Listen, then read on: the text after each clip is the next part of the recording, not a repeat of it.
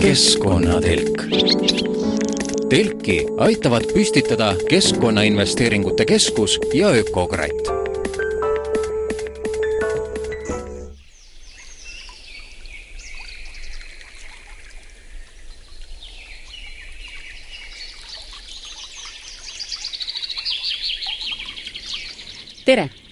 keskkonnatelk on taas püsti, mina olen saatejuht Kadri Valner.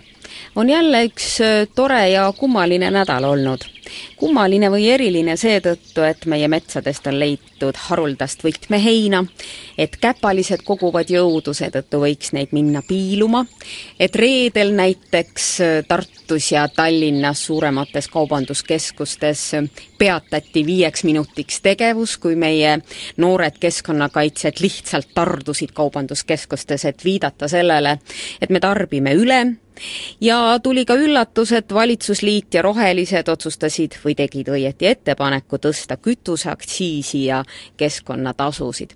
õieti mõnel teemal mm, täna vähemalt mõtteliselt tuleb juttu ka selles saates. Räägime taaskord, taaskord pakenditest, räägime sellest, kuidas meie saame loodusele pai teha, kuidas minna suvel talgutele räägime meie maavarade väljajuurimisest ja juttu teeme ka ühest omapärasest filmist, mis eelmisel nädalal üle maailma esilinastus.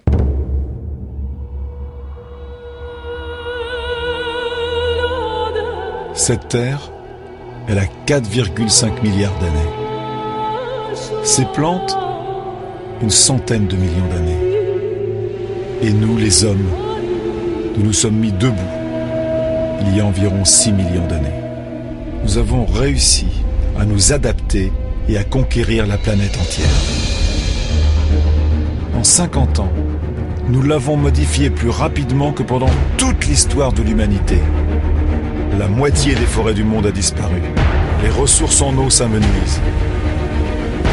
Nos cultures intensives épuisent les sols. Nos sources d'énergie ne sont pas durables le climat change, nous nous mettons en danger.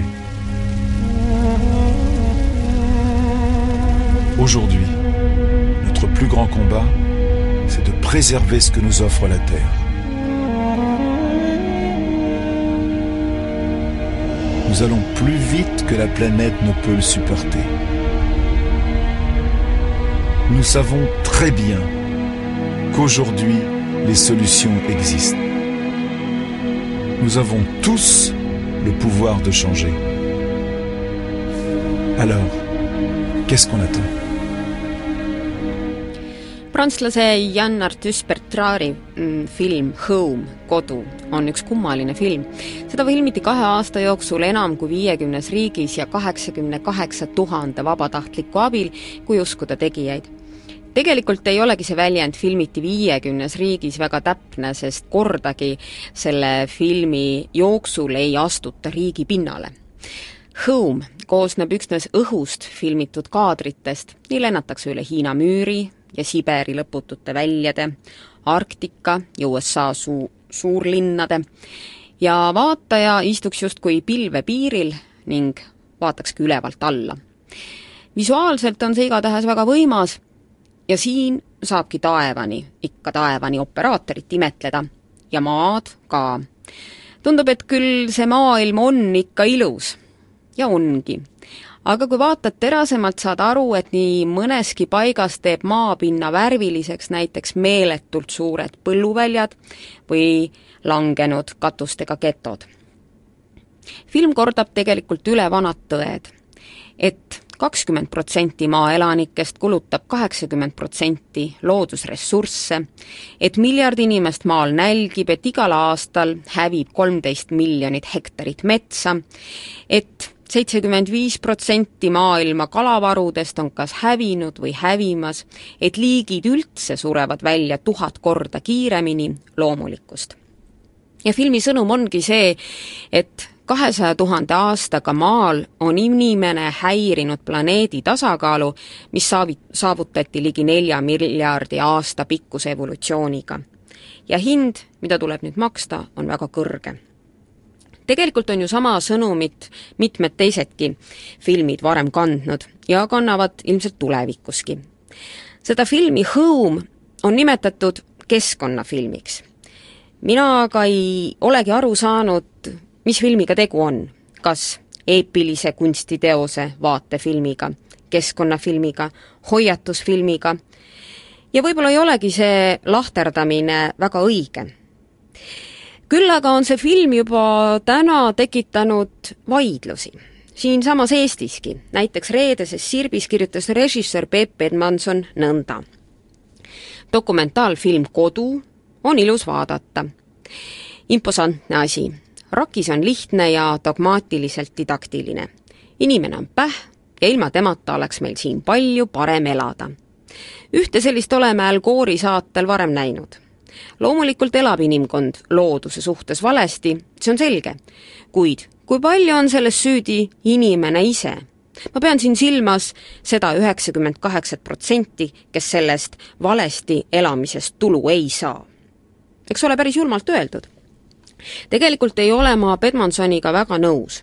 küll aga häälmeelel nõustun mõttega, tsiteerin taas, et mängimaks rohelist ei piisa enam WC-s pirni kustutamisest, kui inimesel pole raha pirnigi ostmiseks või pole tal varsti enam oma peldikutki. justkui mõttelisse vestlusesse asus Bedmansoniga meie üks paremaid putuka tutvustajaid Endartes, kes eilses Eesti Päevalehes kirjutas nii. võib öelda ka nii, et mets, mis inimese silmale on ilus, on putukale surmigav ja eluks kõlbmatu. Neile meeldib ikka meie mõistes kaos ja risu.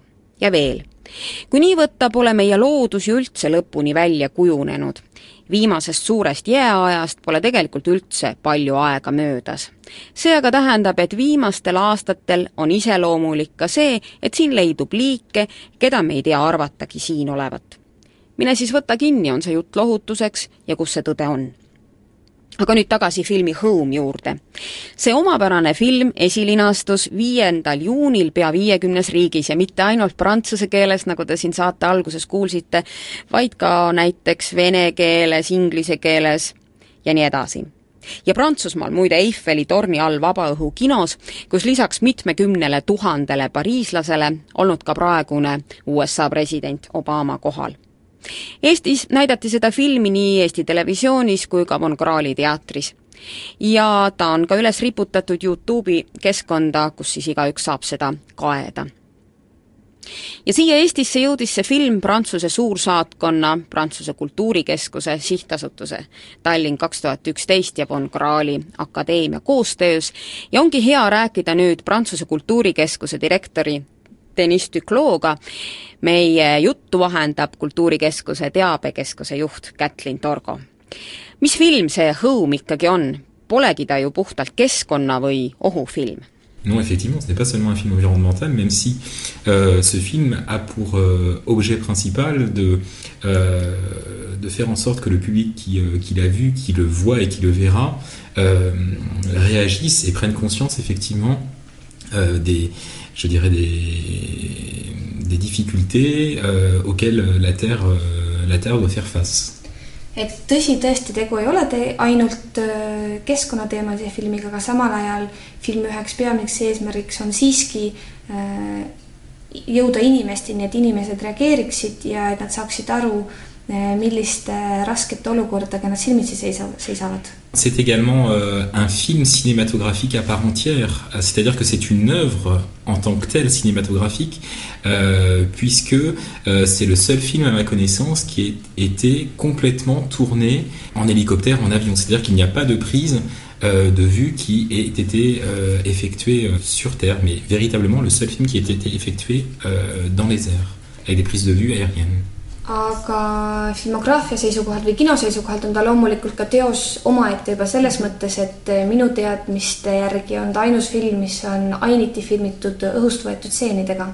et selles suhtes kino mõttes on ta juba tõesti äh, täiesti teos omaette. C'est un film qui a une unité, on voit bien effectivement que le traitement de l'image, la musique qui accompagne les images, euh, les commentaires forment une unité et forment effectivement un, un tout qui constitue en tant que tel une œuvre cinématographique. Tegu on siis sellise tervikuga, et loomulikult lisaks pildile märgib suurt rolli filmis ka muusika, mis täiustab pilti ja, ja koos muusika ja pildiga moodustabki sellise kinomaailmas siis omaette teose. Minu jaoks ongi hästi huvitav see just, et, et ta on nagu sealt ülevalt kogu aeg filmitud, et see annab nagu selle nagu kõrvaltvaataja pilgu või sealt ülevalt vaataja pilgu, et parem, et kui me oleme seal üks väike sipelgas teiste sipelgate kõrval, siis me tegelikult ju ei näe seda, mida me teeme, aga kui, kui vaadata sealt ülevalt, et siis see meie tegemise tulemus on märksa paremini näha. Effectivement, les prises de vue du ciel euh, bah, nous permettent effectivement d'avoir du recul, permettent d'avoir du recul donc sur l'activité humaine et sur les conséquences que l'action humaine et son activité peuvent avoir euh, sur l'écologie, sur la terre, sur l'environnement. Äh, õhust filmitud stseenid võimaldavad meil näha äh, äh,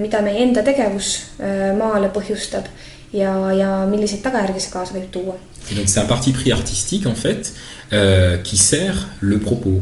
C'est-à-dire que la forme du film, euh, comment dirais-je, sert également le fond et le propos euh, que ce film souhaite mettre en valeur. Donc on a c'est en ça que c'est un film véritablement artistique, c'est que la forme et le fond sont vraiment cohérents à mon sens. Et selles mõttes on see film tõesti eriline, et, et see film, filmi eriline vorm ehk siis taevast filmitud stseenid mm -hmm. tegelikult lähevad väga hästi kokku teiselt poolt ka filmi eesmärgiga, et läbi kunstilise pildi antakse ka väga suur sõnum edasi. ma lugesin autori intervjuud, et kus ta ütleb, et noh, et idee tekkis tegelikult Al Gore'i äh, filmis, sealt on see nagu edasi arenema hakanud Oui, c'est en partie exact. À savoir que Yann Arthus Bertrand, depuis des années, euh, s'implique euh, par le biais donc, de son association euh, dans, la promotion, je dirais, d'un environnement durable et de la préservation de la terre et de l'énergie. Et il avait, il y a quelques années, donc, réalisé un ouvrage qui s'appelle La Terre vue du ciel et qui consiste à prendre en photo donc, des prises de vue aériennes euh, de la Terre et, euh, différents lieux emblématiques de la Terre pour justement mettre en valeur la beauté de la Terre et euh, mettre en, garde donc l'homme contre, effectivement les, exactions qu'il peut commettre à son encontre. Donc le film Home constitue en fait le prolongement logique d'un premier travail photographique que Yann Arthus Bertrand avait mis en place par le biais de, de son livre La Terre vue du ciel.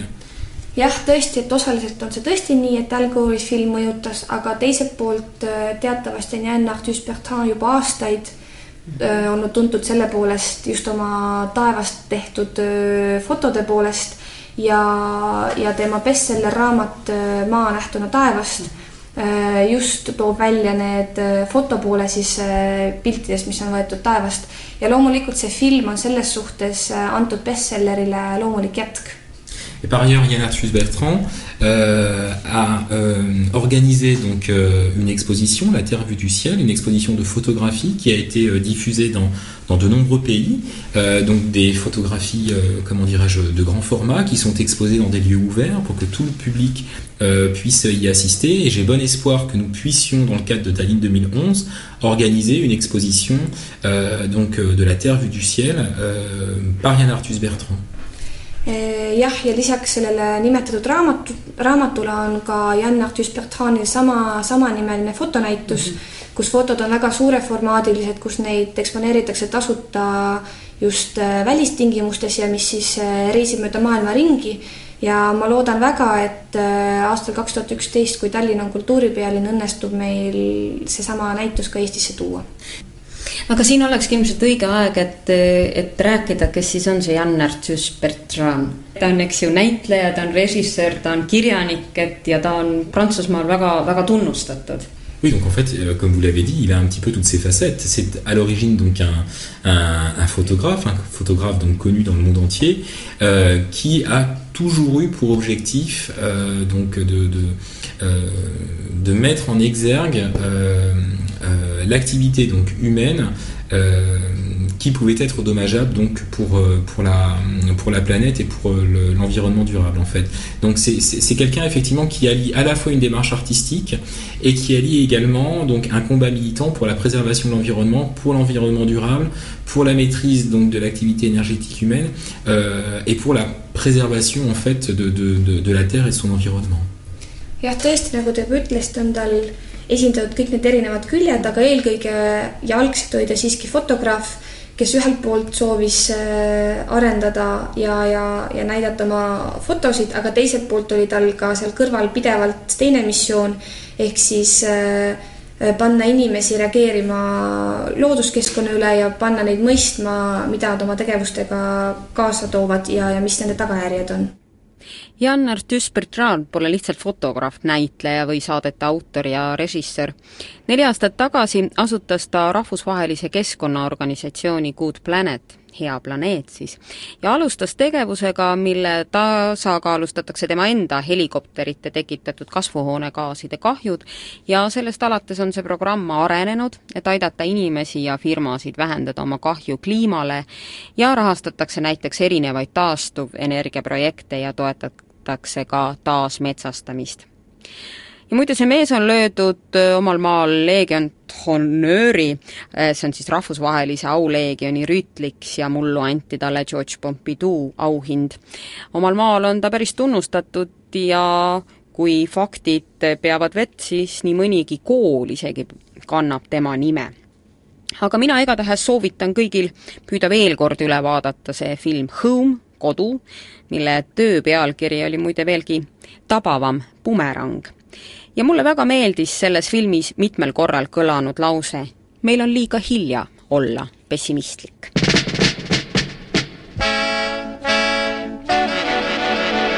keskkonnatelk lööb vaia maasse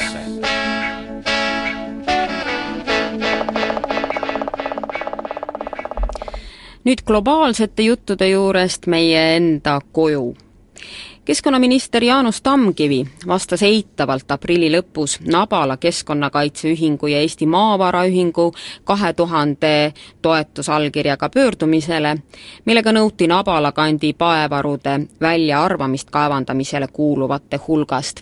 see on seesama teema, millest Keskkonnatelgis mitmel korral oleme rääkinud ja ikka on juttu olnud siis kuulsast Tuhala nõiakaevust Tamkivi arvates näevad kohalikud Nabalasse plaanitavates kaevandustes suuremat kolli kui tegelikult põhjust mina ei saa meelevaldselt määrata, milliseid maardlaid saab aktiivseks panna ja milliseid mitte, kostis keskkonnaminister sellel nädalal ajalehele Eesti Päevaleht.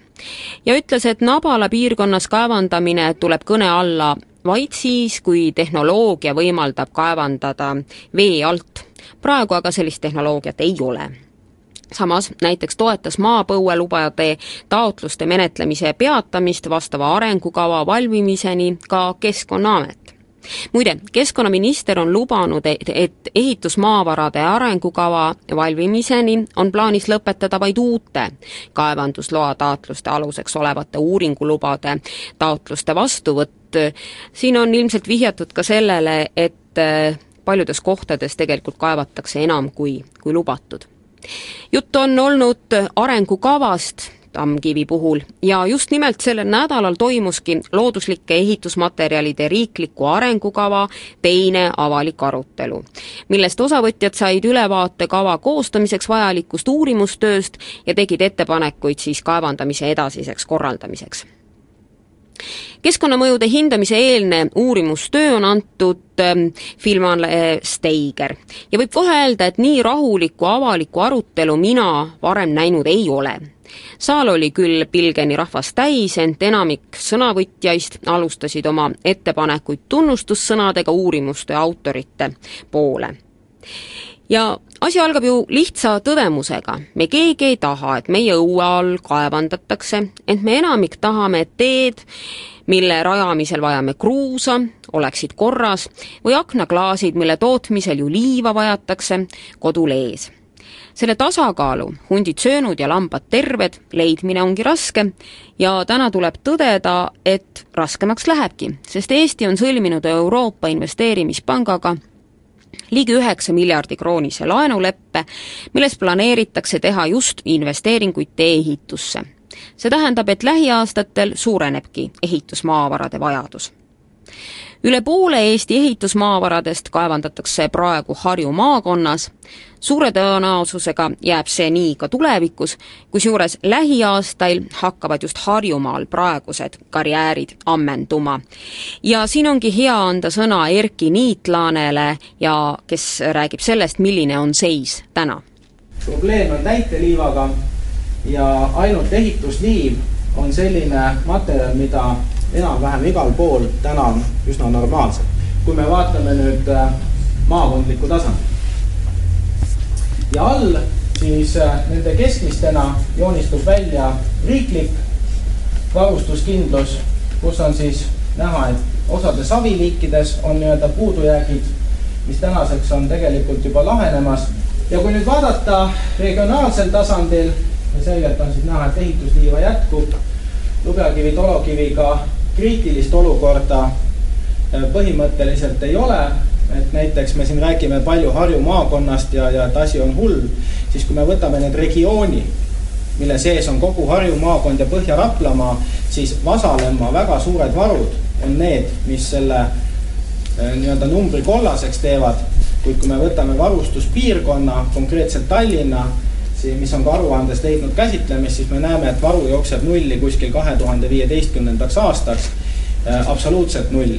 seejuures tuleb arvestada seda, et see ei tähenda seda, et nüüd kõik töötavad selle ajal, see on niimoodi, et alguses saab ühele otsa tootmine jaguneb ümber, siis saab teisele otsa ja nii edasi ja lõpuks võib tekkida ka tehnoloogiline piir, et see, kellel ainukesena varu on, tegelikult ei suuda seda nõudlust katta, pluss veel logistika ja muu säärane sinna juurde. kui praegu jääb ehitusmaavarade kaevandamismaht veidi alla kümne miljoni kuupmeetri aastas, siis aastaks kaks tuhat kakskümmend suureneb see prognoosi kohaselt neljateistkümne miljoni kuupmeetrini.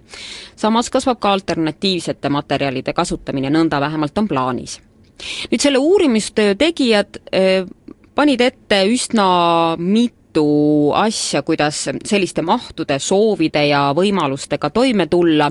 üks oli puhtalt formaalne, aga päris eh, palju ümberkorraldu-, ümberkorraldusi nõudev.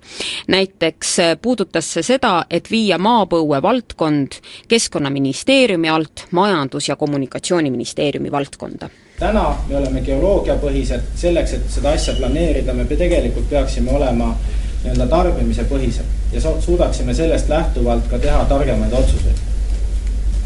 nüüd äh, otsuste kvaliteet loomulikult ei olene sellest, äh, millise ministeeriumi haldusalas see on, aga on selge see, et avalik ootus Keskkonnaministeeriumi suhtes on kui Keskkonnakaitseministeeriumi suhtes. et tegelikult on Keskkonnaministeeriumi eesmärk keskkonnakorraldus ehk siis nii kaitse kui kasutamine. aga see kasutamise pool täna ei kanna välja selles mõttes, et avalik arvamus ei tule sellega kaasa. ja, ja minu meelest on natukene isegi kummaline, et Keskkonnaministeerium peab välja töötama maavarade tarbimise varustuskindluse arengukava, kui tegelikult Majandusministeerium on see, kes kogu seda protsessi drive ib.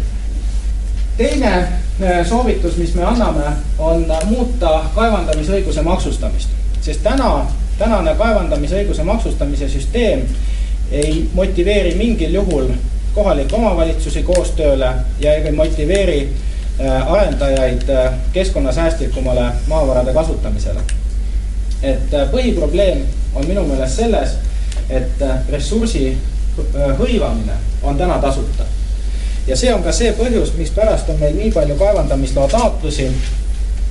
sellel on muidugi ka teine põhjus, on see, et et igal kaevand või igal arendajal, kes näiteks teedeehitusega tegeleb, on vaja konkurentsis püsimiseks oma karjääri, sest naaber talle lihtsalt ei anna seda või annab seda niisuguse hinnaga, mis ei ole konkurentsivõimeline, mis nii-öelda kunstlikult seda defitsiiti suurendab. kui arendaja võtab endale riigi käest tüki maavara või ta saab selle läbi kaevandamisloa, siis ta maksab selle maa pealt, maavara pealt renti hoolimata sellest, kas ta kaevandab seda või ei kaevanda. ja see paneb selle asja paika õigetes proportsioonides, et võetakse nii palju, kui tegelikult äriplaan välja kannab. ning teiseks, jagada see tasu maksmine kaheks osaks, et mingisugune osa maksta ka konkreetselt välja kaevandatud kantmeetrite pealt, kus siis esimene osa läheks maavara omanikule, valdavalt riigile, eraomandi puhul eraomanikule, kuid see kantmeetri pealt kantav või tasutav tasu läheks siis kohalikule omavalitsusele ja ütleme otse kui kompensatsioon ja, ja täna näiteks siin ka Keskkonnaministeeriumis on mitmeid vaidlusi olnud, kus on öeldud seda, et no kuidas, et anname kohalikule omavalitsusele, aga nemad ehitavad sellest lasteaia. no see ei ole ju keskkonnakasutus, see on mõeldamatu. aga las nad ehitavad lasteaia. see ongi selle jaoks mõeldud ja las ta ollagi selle jaoks mõeldud. ja kui see raha vabastada veel äh, tasandusfondi eelarvest, siis on, mis oleks sel juhul selline raha, mis tuleks eelarvele lisaks, mitte et selle raha, raha lisandumisel nüüd jääksid nii-öelda riigi toetus jääks väiksemaks, siis see oleks juba konkreetne motivaator ettevõtluse arendamiseks ja tegelikult võiks äh, seda kohalike omavalitsuste finantseerimist riik üldse sellisel tasandil nii-öelda korraldada, et motiveerida koostööle. sest täna olgem selged, kohalik omavalitsus, kes on negatiivse eelarvega, saab kaevandamisest ainult peavaru tegelikult on selle ehitusmaavarade arengukava valmimiseni aega ja keskkonnamõjude hindaminegi ees, küll aga oli kolmapäevane kokkusaamine hetk ka selleks, et esitada küsimusi ning teha ettepanekuid. esimene küsimus tuleb mäeinsener Paul Vesiloolt. mis on sinu arvates see põhjus, et kohalikud omavalitsused igal pool ja kõikjal on nad kategooriliselt igasuguste maavarade kaevandamise vastu. teine, mida sa mõistad ühiskondliku vastuseisu all? esiteks ma ei ole nõus sellega, et vastuseis on igal pool, ei ole igal pool. et täna meil on väga konkreetne arv konkreetseid objekte, mille suhtes on tõesti tugev vastuseis olemas, aga noh kaevandamist loomulikult kuskil nii-öelda avasüli vastu ei võeta, välja arvatud siin mõned vallad. aga põhiline põhjus on see, et kohalikul omavalitsusel ei ole täna minu meelest mingisugust motiivi selle asjaga tegelemiseks. ja, ja avaliku üldise arvamuse suhtes on, ongi seesama käsitlus, et me, me räägime sellest äh, tolmust, me räägime mürast, aga me ei räägi sellest materjalist, me ei räägi sellest hüvest, meie informatsiooni hulk sellesse valdkonda, sellesse meediumi ei ole võrdne et näiteks ma kadestan energeetikuid, põhimõtteliselt on ka energeetika valdkonnas meil väga terav diskussioon. aga minu meelest on see tasakaalustatud diskussioon. maapõue valdkonnas seda tasakaalustatud diskussiooni ei ole. ja järgmine küsimus Riigikogu liikmelt Mart Jüssilt. kohe alguses on öeldud, et on Eestis Euroopas üks kõrgemaid nagu taaskasutatavate materjalide näitajad, mis on neli protsenti, mis on kuidagi kummaline, et kas see, millel see number põhineb, sest minu kogemus ja tunded ütlevad küll, et Euroopas mõnes riigis on see taaskasutus kindlasti kõrgem kui Eestis. Euroopa keskmine on, on täna viis ja, ja see nii-öelda positiivne hinnang Eestile on antud perspektiivis, sest see viis ei sisalda, või vabandust, meie neli täna ei sisalda seda Äh, perspektiivset äh, aheraine killustikku. Ja kui me võtame see kaks miljonit kasutusele ja võib-olla hakkame aktiivsemalt kasutama seda kiviliiva, siis protsent läheb üle kahekümne. Ja see on äh, nii-öelda noh, avansiks antud. et Eestil on potentsiaali kasutada ülejäänud riikidest rohkem nii-öelda neid alternatiivseid materjale nagu öeldud, siis see uurimustöö ei keskendunud konkreetsetele kaevandusprobleemidele või kaevanduspiirkondadele, millest siin ka alguses juttu oli, vaid andis pigem ülevaate üle Eesti toimuvast.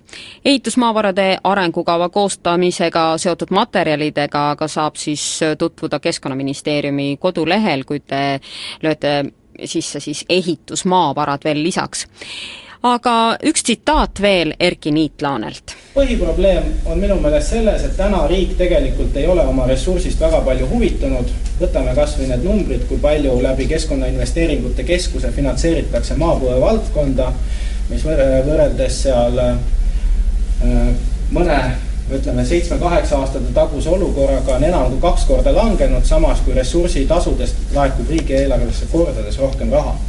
nii et noh, täna on täna on maavara see leht, mida lüpstakse.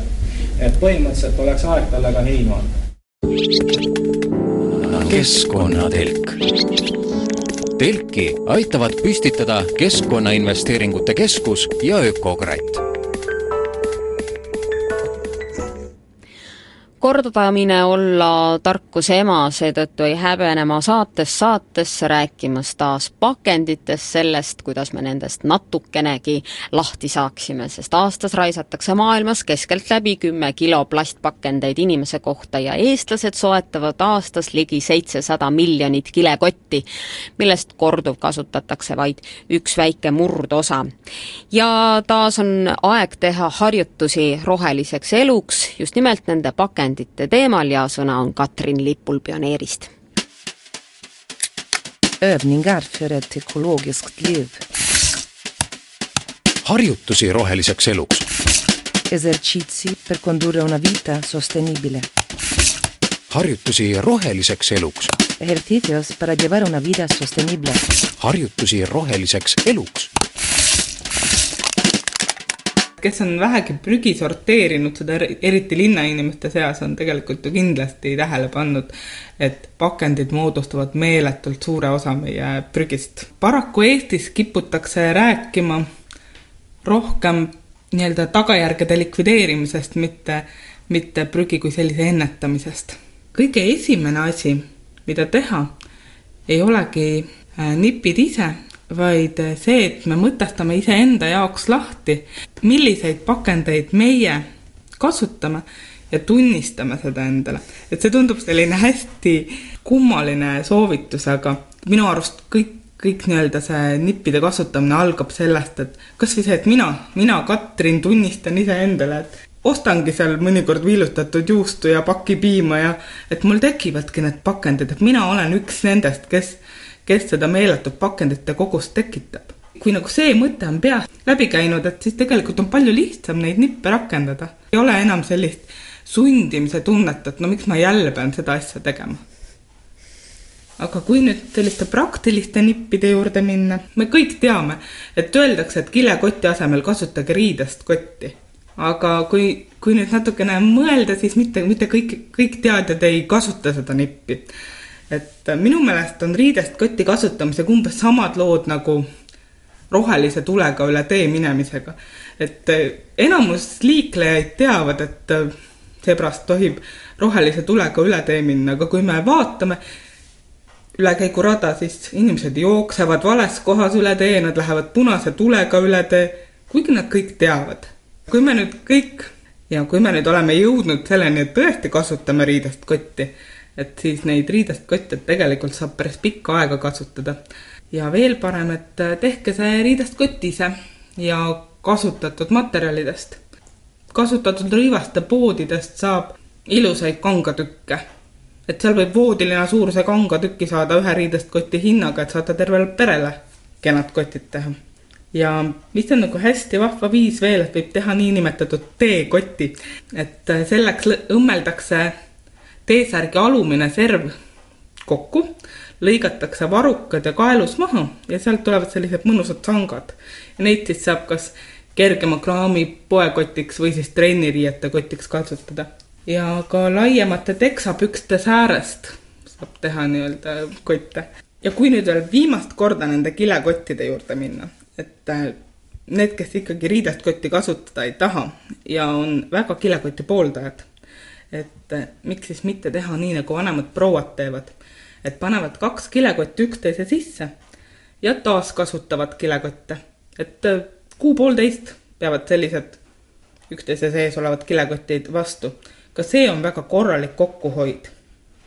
paraku Eestis ei saa veel suurde kaubanduskeskustesse minna ja öelda, et pange mulle nüüd minu karbi sisse salatit või, või et ma panen oma riidest kotti porgandeid, et kui ma läheksin porgandeid oma riidest kotti panema, siis turvameeskond arvaks minust väga halvasti. aga ma, mida ma saan teha, ma saan minna turule. turumüüjad näiteks oma pirukaid annavad väga hea meelega minu enda karbi sisse või kohalik talunik, miks mitte, tal on täitsa ükskõik, kas ta annab selle minu riidest koti sisse oma porgandid või otsib sealt tagant enda kilekotti välja. siis on veel võimalus liituda mõne toiduringiga, et toiduring on nüüd selline asi, et äh, mõni aktiivne inimene või edumeelne firma on siis loonud kontaktid kohalike talupidajatega ja toob nii-öelda koju kätte ära. olgu siis selleks piim kolmeliitrises purgis, ma ei tea, köögivili pappkastis või kaks kilo võid ühe paberi sees. ja selliseid võrgustikke leiab siis mitmel erineval viisil, et võib internetist leida, võib, ma ei tea, turul maad kuulata või siis panna kuskile rohesaidile kuulutuse üles, et vot, tahan oma, oma piirkonna võrgustikuga liituda. mina oma võrgustikku leidsingi konkreetselt niimoodi, et ma panin oma endine pioneeri, panin kuulutuse üles, et vot, elan Tallinnas Mustamäel, et tahan liituda toiduvõrgustikuga. Läks natukene aega, siis mulle tuli kiri et vot, meie just selles piirkonnas teeme toiduvõrgustikku, et lugesin. niimoodi ma saingi. ja vana tuntud tõde on veel see, et kes nüüd ise süüa teeb, sellel kulub vähem pakendeid. Asemele tekib biojäätmeid, aga noh, biojäätmed võrreldes plastpakenditega on selline hea lühiajaline jäätmevorm. ja mis on nagu hästi lihtsad soovitused tegelikult, et õppige toitu ise viilutama. kui ostate väikese jupi vorsti, kui te tõesti tahate, või siis juustu, et juustunoaga saab täpselt sama õhukesed viilud, kui seal sajagrammistes pakkides on. see ei ole keeruline. ja kui te olete näiteks valmis kodu koristama äädikasooda, soola, hinepipulbri, võib-olla ka mikrokiuslappidega, et siis täpselt samamoodi hoiate kokku pakendit Te ei pea ostma sadat eri pudelit koju. piisab nendest põhipudelitest. ja mida me, me saame, hästi lihtne nipp, loobuge pakiteest. et palju lihtsam on, on teha üks kannutäis teed ja võite kohe mitmele inimesele seda teed valada ja pakendit võib-olla ei kulugi. suurema kogusega ostmine on näiteks üks viis, kuidas pakendite kogust vähendada, et näiteks suhkrut ja jahu ja hulgiladudest saab neid osta päris suure kotiga. et näiteks suhkruga ei juhtu ka midagi, kui ta teil üle talve seisab, et see ei lähe kuskile, pole idanema ega midagi taolist. ja lõpuks olge nutikad, mõelge oma peaga. Övningar för ett ekologiskt liv. Harjutusi roheliseks eluks. Esercizi per condurre una vita sostenibile. harjutusi roheliseks eluks Ejercicios para llevar una vida sostenible. harjutusi roheliseks eluks. Kindel on see, et suve algusega koos käib eh, ka Eestimaa Looduse Fondi talgutele registreerimine ja juba mitmel aastal oleme Keskkonnatelgi saates alati inimesi kutsunud üles, et olge nüüd hääd, teil on võimalik minna Elfi talgutele ja nüüd on see hooaeg pihta hakanud. Elfi talgute korraldaja Tarmo Tüür, milline see aasta tõotab tulla? kümnes hooaeg ja, ja selline väike, väike juubelike ja, ja hooaeg tuleb, tuleb vähemalt sama tihe kui kõik eelmised ja, ja võib-olla isegi kriipsukene tihedam. et praegu oleme siis välja kuulutanud nii-öelda ja kodulehel registreerimiseks avanud kõik suvised üritused, mida on selline tubli tosinkond, toimuvad siis juulis ja augustis erinevates Eesti paikades, kõige rohkem Lääne-Eestis ja saartel ma vaatan, et Vilsandi kadakatalgud, esimesed kadakatalgud on juba, juba teil äh, nii-öelda välja müüdud, ehk siis kohad täis, et ma tean, et igal aastal on tegelikult tung nendele talgutele ikka kohe päris suur, et inimesi, kes tahavad oma suve niimoodi usinalt veeta, et neid ikka jätkub päris palju.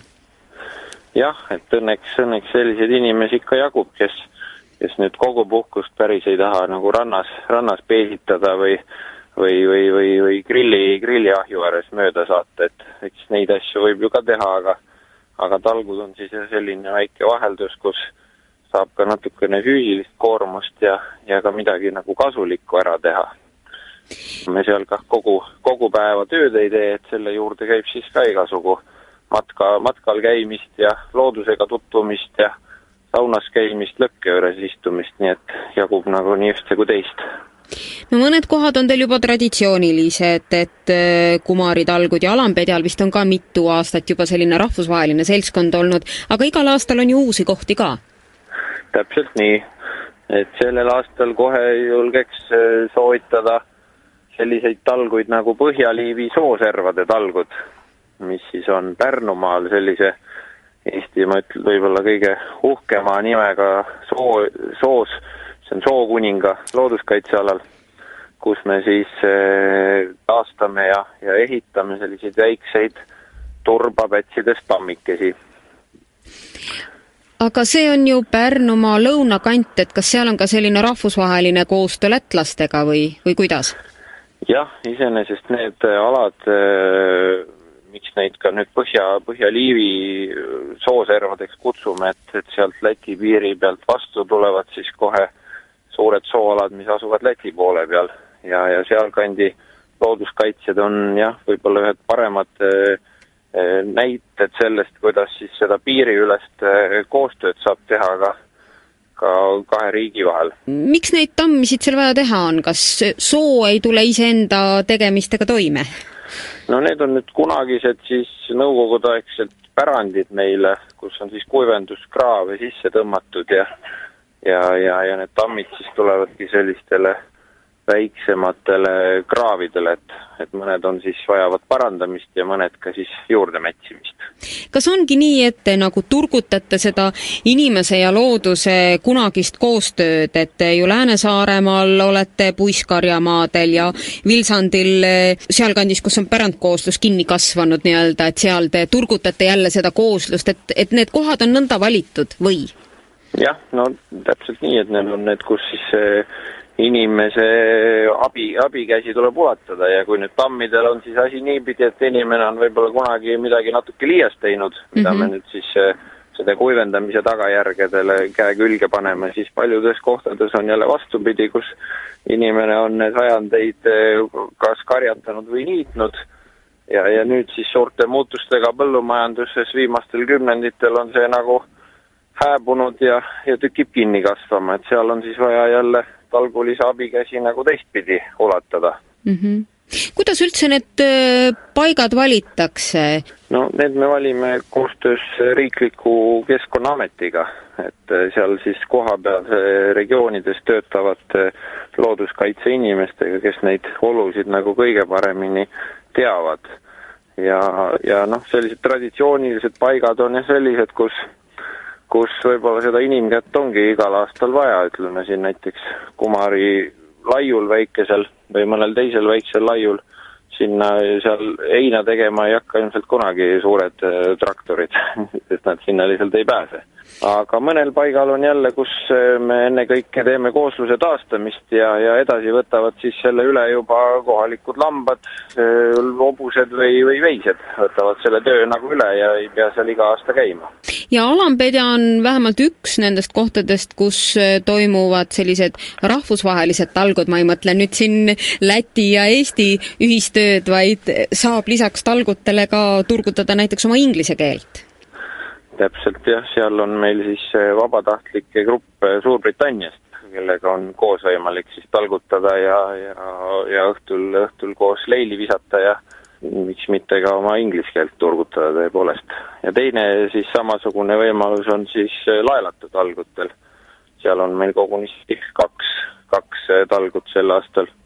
ja need on jälle eri, eripärased selle poolest, et neid võib ka rattatalguteks nagu kutsuda, et kogu selline kulgemine tööplatsile ja ööpaika ja, ja seal kohapeal ringi käies on siis jalgratastega. kui ei ole ratast, siis meil on lubanud suurema õla alla panna siis Tallinna, see oli nüüd üks keerulise nimega, see oli nüüd kaasaegsete transpordilahenduste keskus, kui ma ei eksi. ehk siis uue maailma selts, eks ole? ja, ja täpselt nii. Et kes siis eh, lubas, eh, lubas meile ühe suurema kimburattaid. kas taolisi talguid te korraldate ainult Äh, riigimaal või ka eramaal? Neid tuleb ette nii ühel kui teisel maal ja on ka selliseid vahepealseid variante, kus maa on tegelikult riigi oma, aga see on siis antud eh, hooldada eh, era, era, erainimesele, et, et kes seal siis eh, seda niitmist või või, või karjatamist on, on lubanud teha. aga kuidas näiteks eraomanikega sellised läbirääkimised käivad, et on nad pigem nõus sellega, et tulevad no tegelikult ju võõrad, ehkki hoolivad inimesed, aga võõrad müttavad nende maal, kas usaldatakse? Usaldatakse ikka, et eks seal on, ongi see vahetalitajaks on siis meie jaoks kohaliku Keskkonnaameti töötaja mm -hmm. ja, ja inimesed on ikka pigem nagu, nagu mitte lihtsalt ei usalda, vaid, vaid, vaid muidugi rõõmsad, et sest eks need eh, poollooduslikud kooslused tükil olevat tihti sellised, mis võib-olla majanduslikus mõttes ei ole kõige, kõige uhkemad ja ja äratasuvamad eh, tegemised et ei saa neis selliseid suuri põlde sisse lükata ja suuri heinamaid pidada mm. -hmm. et seal siis selline, selline abikäsi kulub igati marjaks ära ma tean, et Soomes on äh, sarnaseid äh, looduse talguid ja, ja, ja, ja Inglismaal, aga kui, kui popid nad mujal maades on? No eks nad on ikka, ikka igal pool on populaarsed, et, et Inglismaal nüüd meie, meie üks suur partner, kelle kaudu me siis ka talgulisi siia Eestisse pea iga aasta käib, et, et seal ikkagi käib, selle partneri kaudu käib ikka sada tuhat inimest igal aastal talgutel ja, ja -hmm. päris mitmekümnes erinevas maailma riigis. et nende kaudu võib sõita ka näiteks Kariibi mere saartele merekilpkonna mune kaitsma ja, ja väga-väga selliseid eksootilisi variante on. oi, mina läheks küll, mis peab selleks tegema et selleks peab ennast kirja panema ja nüüd kahjuks seal, et Euroopas on nüüd asi jõudnud nat-, nagu, nagu sinnamaale, et, et tegelikult see talgule mineja maksab ka nagu kõik oma kulud ise kinni, mis selle, selle reisi juurde käivad, et et mm -hmm. nüüd Eestis on veel asi rohkem nagu sedapidine, et, et ikkagi fondid katavad nagu enamuskulusid ja osalejale jääb siis selline sümboolsem eh, osalustasu maksta. Eestimaa Looduse Fondi poolt korraldatavaid talguid siis aitab eh, finantseerida Keskkonnainvesteeringute Keskus sellel suvel. Tahtsingi küsida, et kindlasti enamik talgulisi on neid, kes äh, on varematelgi aastatel käinud, ega juhiseid ei vaja, aga äh, mida peaks siis tegema või milleks valmis olema see inimene, kes esimest korda tahaks nüüd tulla, et sellest ma sain aru, et ratta saab ta kaasa, põnevaid elamusi talle pakutakse, aga mis ta peab ise veel kaasa võtma, labida, reha, sae või, või kuidas? labidat nüüd, äh, labidaga on võib-olla natuke ebamugav reisida, et siis me tööriistad tavaliselt üritame nagu omalt poolt äh, tagada ja korraldada.